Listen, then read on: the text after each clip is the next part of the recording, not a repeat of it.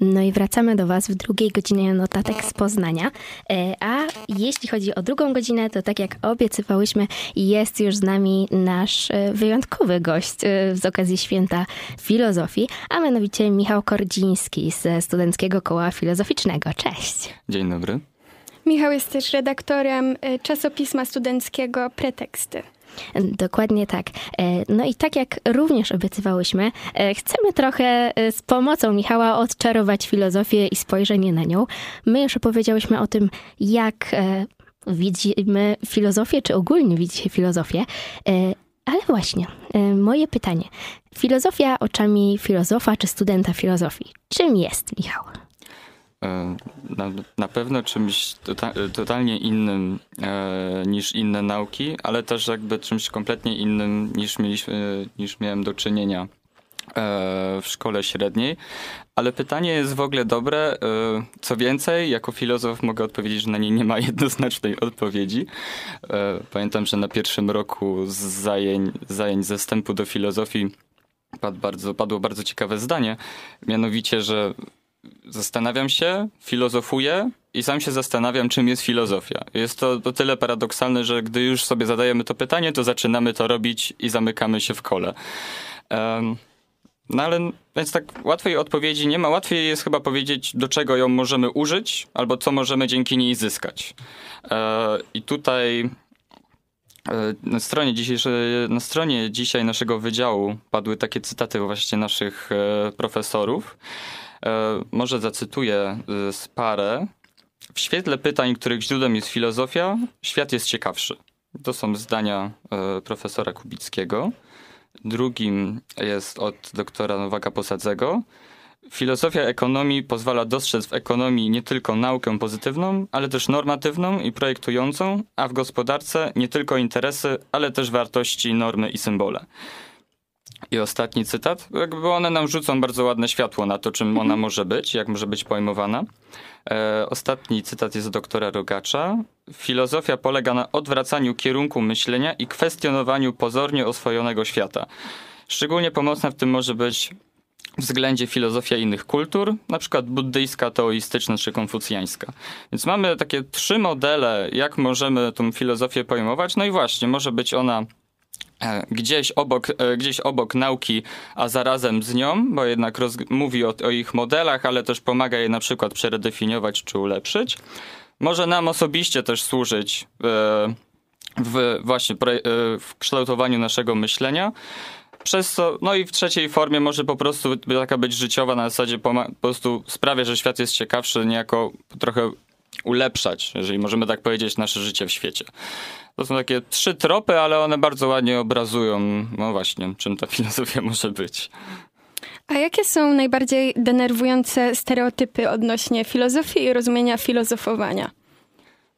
Tak osobiście mnie najbardziej irytuje taki stereotyp, że filozof to jest ten taki humanista, zamknięty na 30 lat w jakiejś piwnicy, gdzie siedzi nad swoimi tomami książek i potem wychodzi i nagle ogłasza światu swoje największe mądrości, ale generalnie to zazwyczaj nie, nie używa łazienki przy okazji tego nie kontaktuje się ze światem e, i wszystkich ma głęboko w poważaniu. To jest, to jest ten najgorszy stereotyp, e, który jest też niezwykle irytujący, no bo też, e, ciężko jest nim cokolwiek zrobić. On zawsze jest, nawet sami filozofowie często to powtarzają. I się trochę, znaczy nie zawsze z tym identyfikują z taką pracą długotrwałą, która po prostu ma przynieść jakieś niesamowite efekty. A może to, a może czasem jest tak, i to stopniowo z, mam wrażenie, że teraz zaczyna się odwracać, że właśnie filozof jest tym tym, któremu najwięcej wolno i z tego korzysta. To znaczy, jeżeli mamy problem badawczy, który jest nowy, jakby nie jesteśmy w stanie go do końca jeszcze rozpoznać, nie wiemy tak naprawdę jak go ugryźć, to filozof jest w sumie najlepszą osobą, aby zacząć w ogóle przetrzeć szlaki w tym. No i no właśnie, no, nie może wtedy siedzieć zamknięty w piwnicy, tylko musi być na bieżąco z tym, co się dzieje.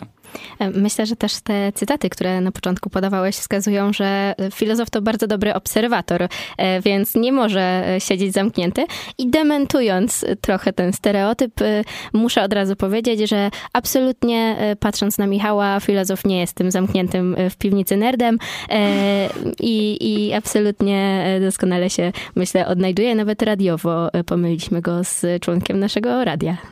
Dziękuję za miłe słowa. Rzeczywiście zostałem przyjęty jako swojak, z czego, mi, z czego jest mi bardzo miło. Bardzo się cieszę, e, że tak to odczuwasz. E, I co? Myślę, że damy wam chwilę właśnie wewnętrznie pofilozofować o tym, co właśnie usłyszeliście i zaraz do was wracamy. Skoro zapytałyśmy już, czym jest filozofia, e, to jeszcze pytanie o dzisiejsze święto i w sumie bardziej organizację, mam wrażenie, samego koła studenckiego. Czy wy obchodzicie Dzień Filozofii w kole, a może jakiś inny dzień jest takim, wiecie, szczególnym do świętowania dla was? Na pewno głęboko radujemy się na ten dzień, bo to jednak będąc, będąc wyróżnionym chociażby w kalendarzu, to zawsze jest e, coś. E, na pewno też go świętujemy formą przyjścia tutaj i przez wami jakby możemy go obchodzić. Mm, tak jako tako wydarze, wydarzenia jako studenci nie, nie organizujemy z tego, z tego e, tytułu, chociaż nie wiem, myślę, że na pewno znajdą się na świecie jacyś filozofowie, którzy akurat chociażby piją piwo w tym czasie, albo, albo później właśnie, aby, aby świętować ten dzień. Mm, też czasami filozofia jest postrzegana jako taka nisza i, i takie środowisko trochę hermetyczne dla wybranych. Y, czy zwykły człowiek, Twoim zdaniem, każdy człowiek może coś wyciągnąć, z filozofii? Mm, ja myślę, że na pewno. E, faktycznie jest, jest taki podział. On, on często funkcjonuje na taką profesjonalną filozofię, mm, e, w sumie uprawianą teraz głównie na akademii a na, a na nieprofesjonalną. Tylko, że w sumie z drugiej strony można taki podział zastosować w sumie też do nauki, jako profesjonalny fizyk zajmujący się konkretnymi badaniami, piszący granty, artykuły, etc. A z drugiej strony osoby, które są zainteresowane tą fizyką i są w nią miarę na bieżąco, interesują się, ale robią też coś obok tego. E, więc myślę, że, tym, że, że sytuacja jest analogiczna. Na zasadzie, że są teksty faktycznie, które są ciężkie i, i trudne jest samemu przez nie przebrnąć, ale jeżeli byśmy się zabrali za fizykę kwantową samodzielnie, to też by nie było raczej łatwo. Więc to po prostu kwestia w sumie profesjonalizacji odpowiedniego dobrania po, po pierwszych lektur, a też często znalezienia ludzi, z którymi się filozofuje. E, no bo w sumie taka filozofia no, współczesna, korzenie jej w sumie określamy w Grecji. No i to jest w sumie ciekawe, bo uprawiało się ją w ogrodach, e, między innymi ateńskich, na świeżym, na świeżym powietrzu, co się bardzo fajnie spina z naszym kampusem, gdzie no właśnie filozofujemy, które są ogrodami za miastem, gdzie no też filozofowie często w okienkach przechodzą do ogrodu botanicznego i, i spacerują. Więc mamy taką kontynuację, te, kontynuację tej tradycji. E, ale to w ogóle bardzo ciekawe, tak historycznie też podchodząc, e, więc bardzo fajnie, że nawiązałeś. A nawiązując z kolei do tego, o, y, dzisiaj nam studiowi Zapłata Figla stwierdziło, że y, dość tych ciężkich tematów.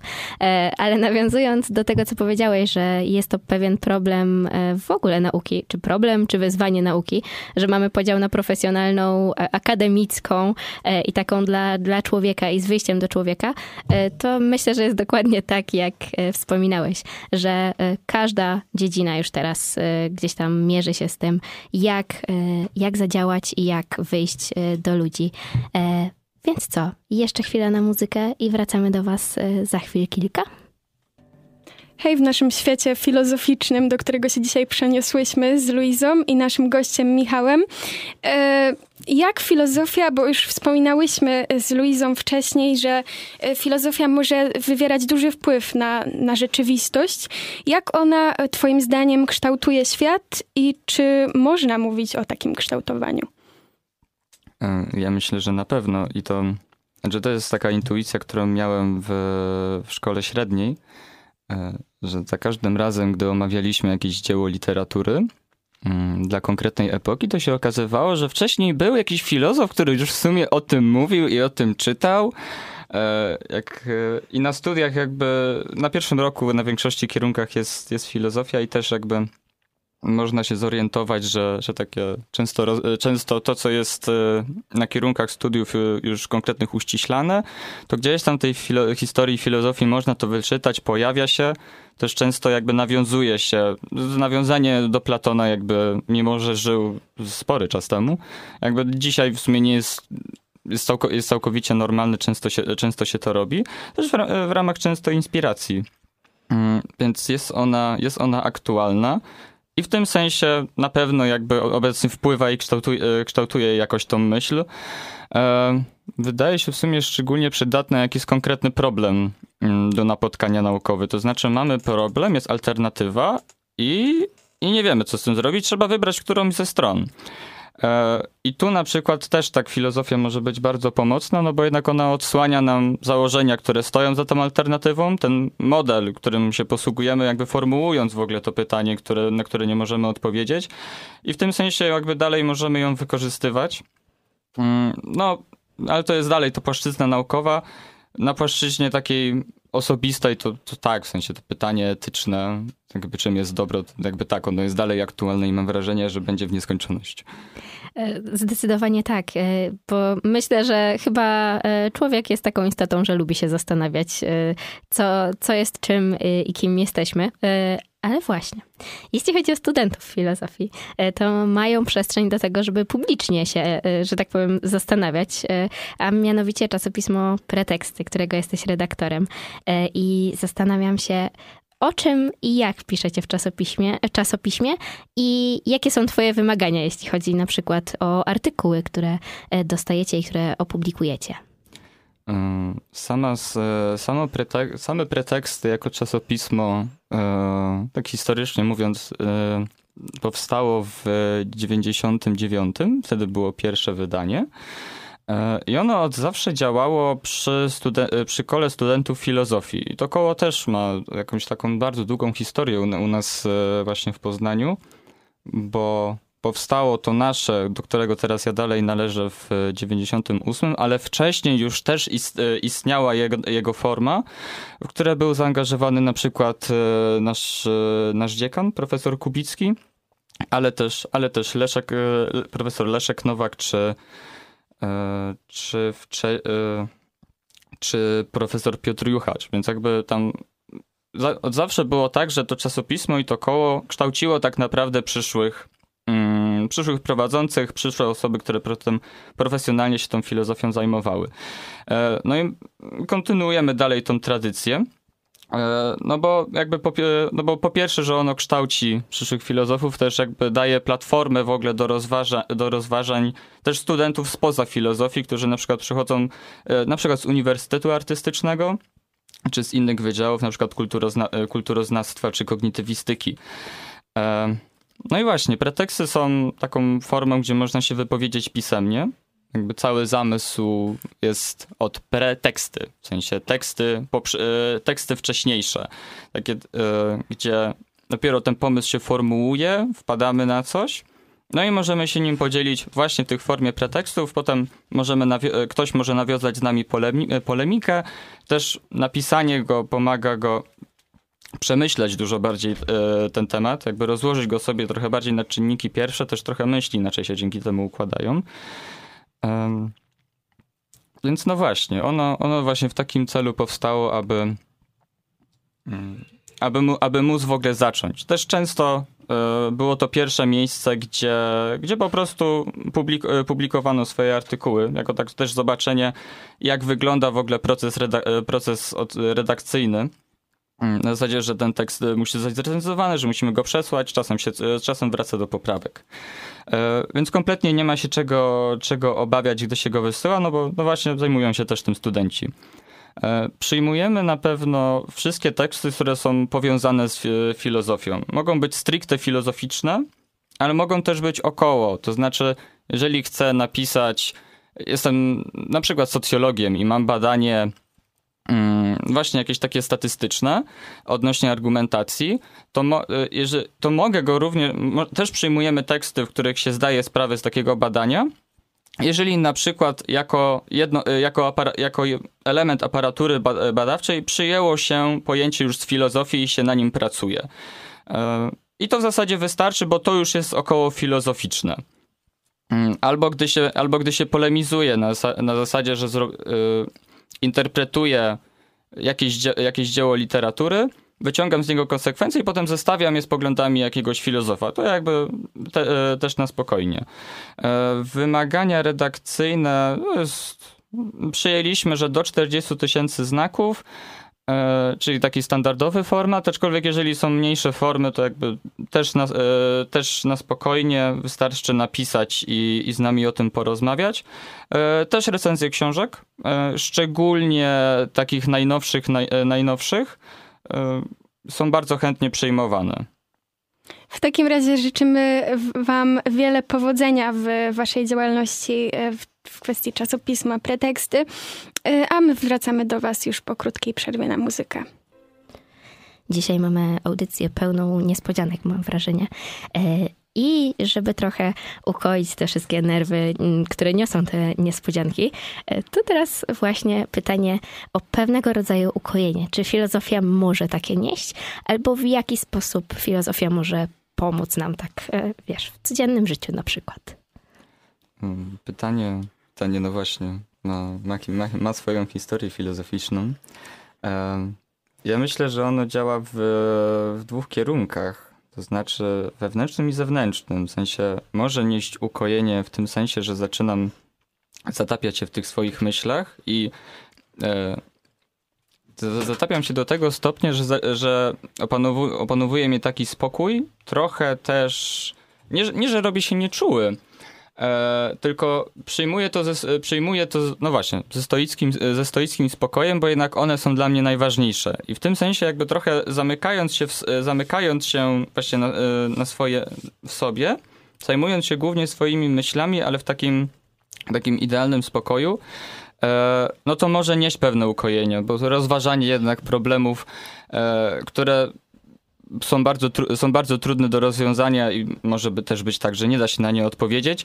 Jest takim procesem nieskończonym, ale w, tym w tej świadomości tego nieskończenia, nie, nie, nieskończoności e, można, być spokoj- można być spokojnym, no bo niczego się sobie nie obiecuje. E, a z drugiej strony może ukojenie ukojenie nieść zewnętrzne, to znaczy mam sytuację w życiu, na którą się, która jest dla mnie problematyczna, rozpoznaję ją filozoficznie, zaczynam ją obrabiać e, i uspokaja mnie to w tym sensie, że znalazłem na nie rozwiązanie i jestem w stanie, jestem w stanie je wdrożyć, jestem w stanie już na nim pracować e, i w tym sensie ono też jest, może być pożyteczne w takim, w takim szerszym spektrum. A czy twoim zdaniem filozofia może też uczyć y, argumentacji? Mm, I to często na, jak się, jak pyta, jak pytamy, pyta się studentów właśnie filozofii, dlaczego na nią poszli, albo dlaczego by chcieli na nią iść, to pada taka, to jest jedna właśnie z odpowiedzi, że chciałbym się nauczyć argumentować, lepiej układać, lepiej układać swoje myśli albo mieć zawsze rację.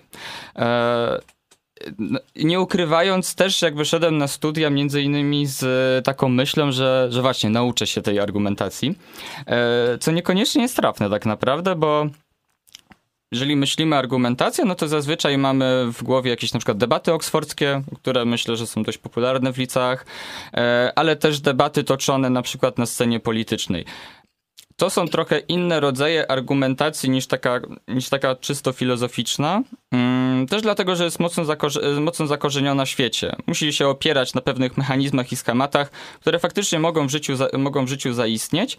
I można tak filozofować również, owszem.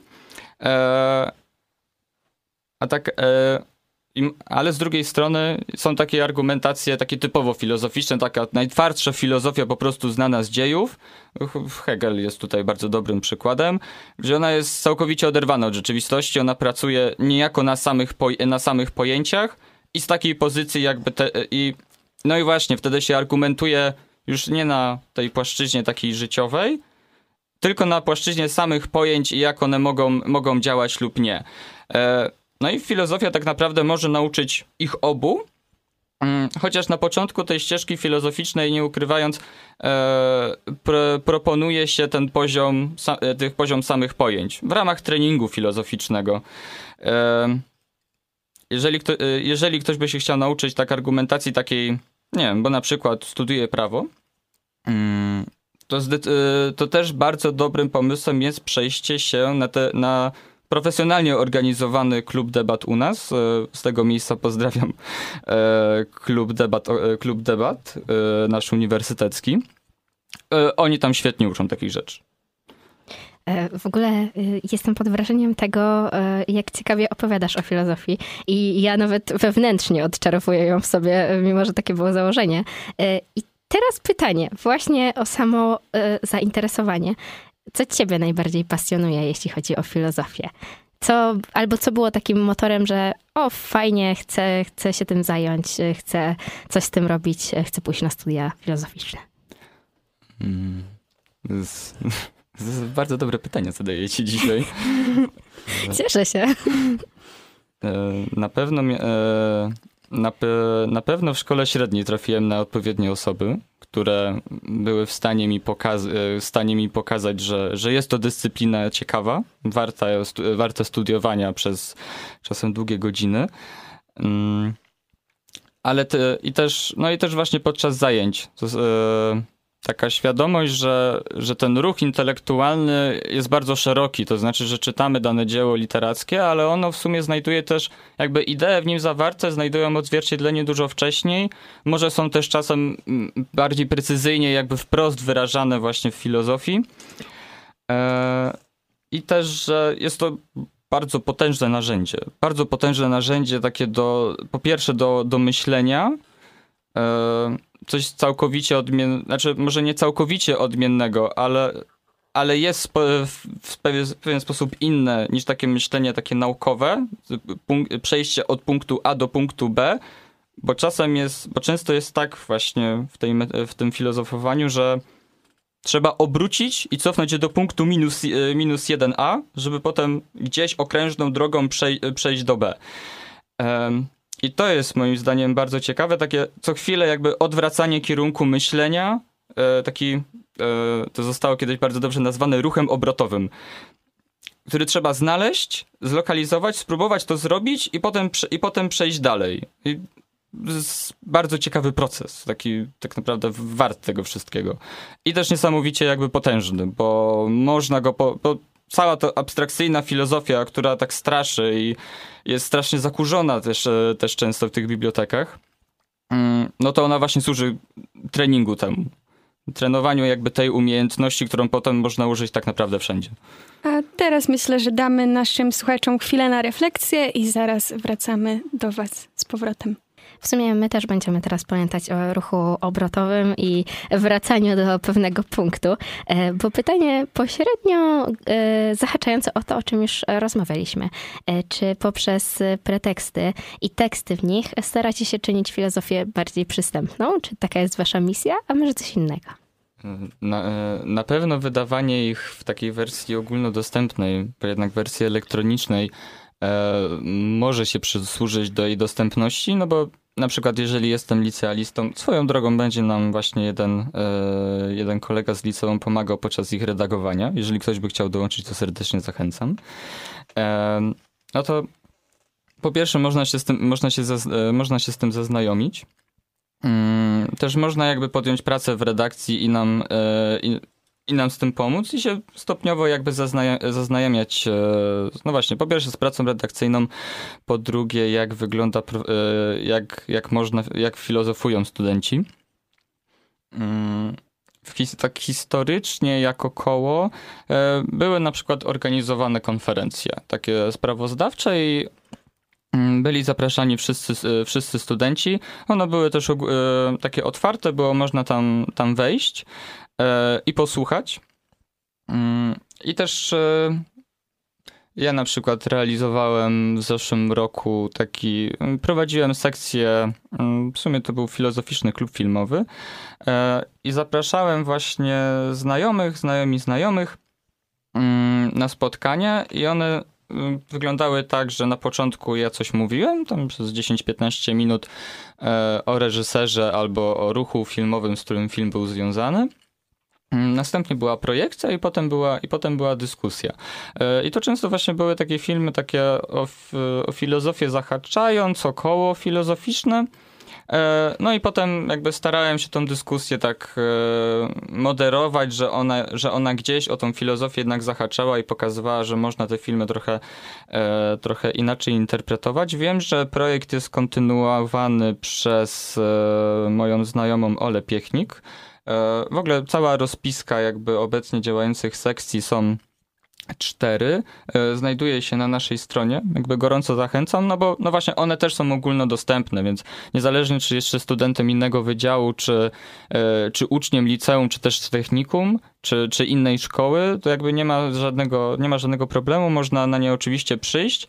Je prowadzą studenci e, bardzo kompetentnie, bo na przykład piszą z danego, o danym filozofię magisterkę i E, pracę magisterską e, i e, te teksty są właśnie przez nich rekonstruowane i omawiane, gdzie oni prowadzą te zajęcia, więc, więc mają już całą potrzebną wiedzę, aby to robić i też często jakby tłumaczą, jakby jak to rozumieć, czy, czy co, można by, co można inaczej by ująć. Mm, więc takie, w takie to właśnie sposoby staramy się ją trochę mm, bardziej, dostęp, bardziej dostępną uczynić. Wiem też, że jest duże grono filozofów już tak poza kołem, które jakby po prostu współ, na przykład, e, na przykład kuratoruje te filmy. E, znaczy projekcje, projekcje filmów w jakichś kinach, więc to też jest bardzo dobra e, sytuacja, żeby się móc po prostu z tą filozofią trochę bliżej zapoznać. A jak udaje Wam się rozmawiać o rzeczach, mm, do których możecie mieć totalnie różny stosunek? Jak udaje Wam się właśnie dogadać przy takich różnicach poglądowych? Przykładowo, kiedy rozmawiacie o wierze i możecie mieć zupełnie różne stanowiska. Jak udaje Wam się dogadać? Właśnie e, to, to jest, jest taki spór właśnie na płaszczyźnie takiej, takiej religijnej. Ale w, i zawsze w sumie historycznie jakby filozofia gdzieś z tą teologią była powiązana. Jednak e, średniowiecze to jest w sumie jedna, jedna wielka historia relacji pomiędzy właśnie filozofią a teologią. E, w czasach starożytnych one były jakby ze sobą czasem powiązane, czasem mniej, trochę bardziej. E, I też jak, gdy się człowiek uczy tej historii, to też nabiera po pierwsze dystansu jakby, tro, znaczy trochę dystansu do, do swojej wiary, ale też trochę do swoich jakby przekonań. Jakby pokazy, jakby trochę sobie uświadamia, że one, że one mają różne podstawy, że czasem coś trzeba, że czasem coś trzeba zmienić, ale al, albo ulepszyć, albo bardziej nad tym pomyśleć, e, ale też z drugiej strony jakby ta cała historia uczy takiego dialogu. Na zasadzie, że są różne doktryny, różne koncepcje, które ze sobą nie współgrają, ale się ze sobą komunikują e, i dyskutują, wchodzą ze sobą w dialog i, i przez to jakby też się udoskonalają, więc jakby czerpiąc z tej historii, będąc nią, będąc nauczanym e, jej, mo, moż, można też jakby te swoje właśnie, na przykład poglądy, religii, poglądy religijne jakby też odpowiednio kształtować, więc nie, nie, tak bezpo, bezpośredniego konfliktu, przynajmniej jakby ja się nie, nie spotkałem. W, na, w, nau, w nauce istnieją, ale one też są w ciekawy sposób rozwiązywane, bo są na przykład projekty e, w, Zielon, w Zielonej Górze, jest, e, jest taki ośrodek się tym zajmujący który próbuje, e, który łączy tak na płaszczyźnie filozoficznej e, ewolucję z właśnie kreacjonistyczną koncepcją stworzenia świata przez Boga. On się nazywa Inteligentny Projekt. Po prostu pokazują, że w tym i w tych punktach koncepcja, ewo- koncepcja, paradygmat ewolucyjny czegoś nie wyjaśnia, możemy to wy- i proponują jakby swoje rozwiązania. I też wchodzą właśnie dialog, w dialog z filozofowami, nawet jeżeli się, kłó, nawet jeżeli się kłócą, to to jest taka kłótnia, e, żeby udoskonalić bardziej swoje poglądy. To raczej nie odbywa się na zasadzie, że ja ciebie nie lubię i teraz będę cię tam, nie wiem, nienawidził albo terroryzował. Czyli taka polemika. Tak, Ale ona kulturalna. jest. Tak, ona jest zawsze jednak na tej płaszczyźnie filozoficznej i nawet jeżeli, nawet jeżeli na seminariach albo na zajęciach mocno się dwie osoby zetrą, no to potem najprawdopodobniej normalnie wyjdą z sali i będą ze sobą rozmawiać. To jednak filozofia się rządzi pod tym względem własnymi prawami dyskusji. E, poza anteną e, rozmawialiśmy e, o tym, że w sumie to, co powiedziałeś wcześniej o tej kulturalnej dyskusji, pewnej polemice, niejako łączy się z tolerancją. I właśnie o to chciałam zapytać. Jak filozofia łączy się z tolerancją i czy na przykład jesteśmy w stanie dzięki pewnym myślom, czy w ogóle dyskusjom filozoficznym nauczyć się albo zwiększyć swoją tolerancję? Mm, myślę, że na pewno, no właśnie e, nawiązując do tego, co powiedziałem o historii filozofii, to, to tak jakby jej, jej nauka jest, jest w stanie nam pomóc wytworzyć ten potrzebny dystans między swoimi poglądami e, a, pogląda, a poglądami drugiej osoby, no i przez to przyczynić się do tego, że jest, e, że jest ona bardziej, bardziej respektowana, ale też temat tolerancji, jakby cała to w sumie kategoria była, y, przejawia się w filozofii cały czas. Chociażby, no właśnie, od tego okresu greckiego, gdzie jest, jest moment, gdzie funkcjonowało obok siebie pięć różnych szkół, które ze sobą rozmawiały. E, poprzez współczesne konceptualizacje, e, tutaj taka pierwsza na myśl, no to przychodzi mi e, liberalizm, taki klasyczny w wersji rolsowskiej, gdzie mamy ta koncepcja tolerancji jest jakby założona i, i centralna jakby dla funkcjonowania w ogóle całego systemu, bo mamy, określone, mamy określone jednostki, które mają określone poglądy i tylko jakby, jeżeli one się tolerują, jesteśmy w, sta- jesteśmy w stanie stworzyć społeczeństwo, które będzie ze sobą współpracowało. E, to jest jakby jeden przykład, ale on funkcjonuje również w dużo wielu innych kontekstach. Myślę, że to bardzo ciekawe. I to może być też takie pewne, e, pewna rzecz, którą dobrze wyciągnąć właśnie e, z filozofii. Takie, e, takie mam podejrzenie, że wszyscy możemy ze sobą rozmawiać i, i jest to już historycznie udokumentowane, że jesteśmy w stanie rozmawiać, mając różne poglądy. Jest bardzo dobrze dokumentowane. Zdecydowanie. To co? Myślę, że możecie jeszcze chwilę w rytm muzyki zastanowić się nad tym, jak wam może pomóc filozofia, a my za moment wracamy powoli zbliżamy się do końca e, notatek z Poznania, ale zanim zakończymy, e, to takie bardziej osobiste pytanie e, do Michała. Czy jest jakaś szkoła filozoficzna albo osoba, filozof, którą osobiście najbardziej cenisz? Tak, tak, osobiście, gdzie, gdzie, mi, gdzie mi jakby najbliżej tak w osobistym stylu funkcjonowania, myślę, że to. E, myślę, że bym wskazał na pewno jednego filozofia, filozofa, mianowicie Martina Heideggera. Jakby to e, też w ogóle jakby taką tradycję fenomenologiczną. Też pamiętam, że tekst, jego tekst, jego teksty właściwie, mianowicie Czas, czas światoobrazu i też filozofia, filozofa wychodzącego też właśnie z tego nurtu fenomenologii, mianowicie Romana Ingardena, to pamiętam, że były takie pierwsze teksty, że, że tak się zachłysnąłem. Miałem takie wow, w sensie to jest coś, co mnie zastanawiało.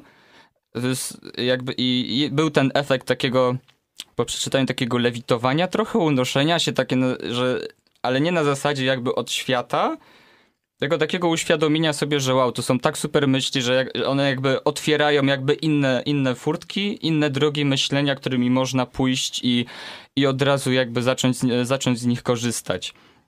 Mm.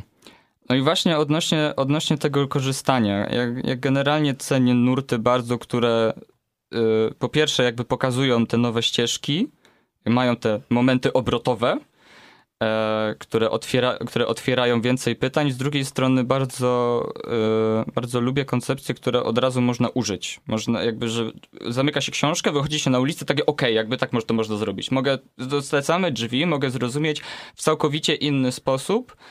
Mm, I tutaj też e, koncepcja Bruno Latura była bardzo ciekawa. Na zasadzie, że te drzwi te drzwi, które białe widzimy, równie dobrze można je opisać poprzez relacje, w jakie, ona, w jakie ono wchodzi, że jest połączone z framugą, że jest wykonane z, z drewna, które to drewno jest produkowane, jest, jest wycinane w jakichś polskich lasach, które powstało w jakimś okresie. I można taką wiązanką relacji zacząć przechodzić i dokopać się do początku myśli przemysłowej i jeszcze, jeszcze dalej można tak naprawdę w to, w to iść.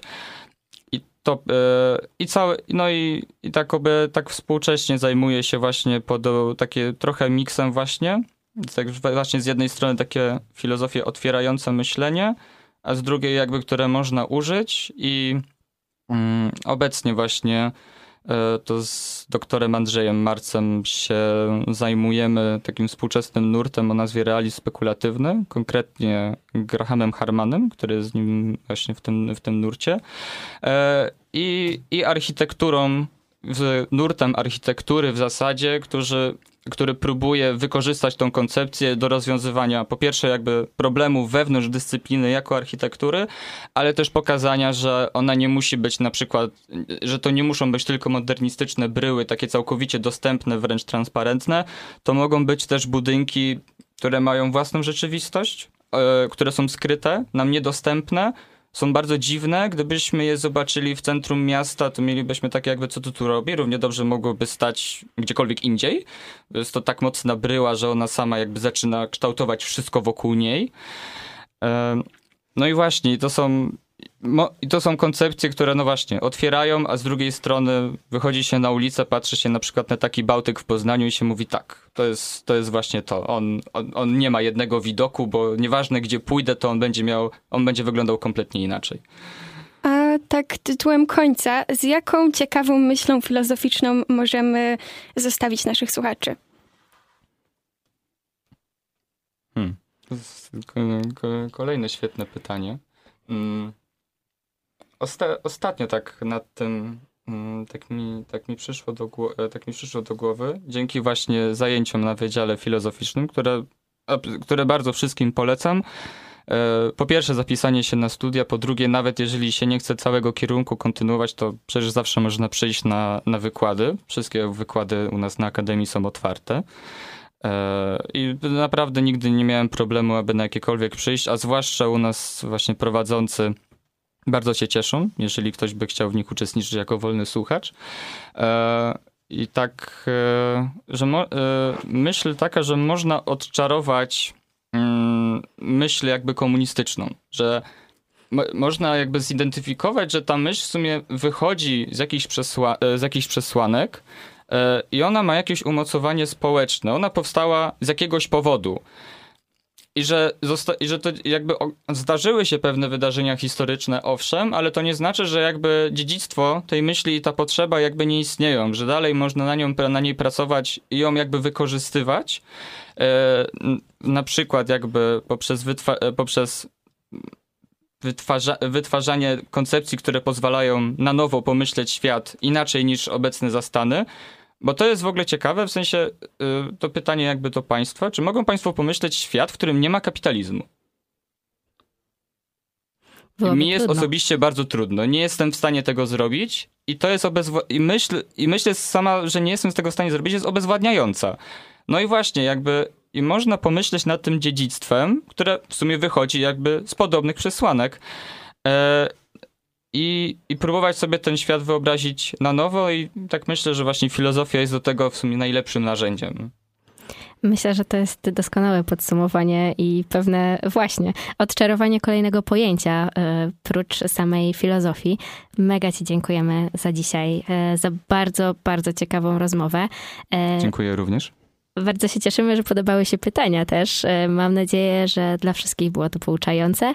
E, a dzisiaj w notatkach z Poznania mówiły do Was Zuzanna Turkiewicz, Luiza Zbiciak. E, naszym gościem drugiej godziny był Michał Kordziński. Dzięki Dziękujemy wielkie. Ci. Dziękuję również.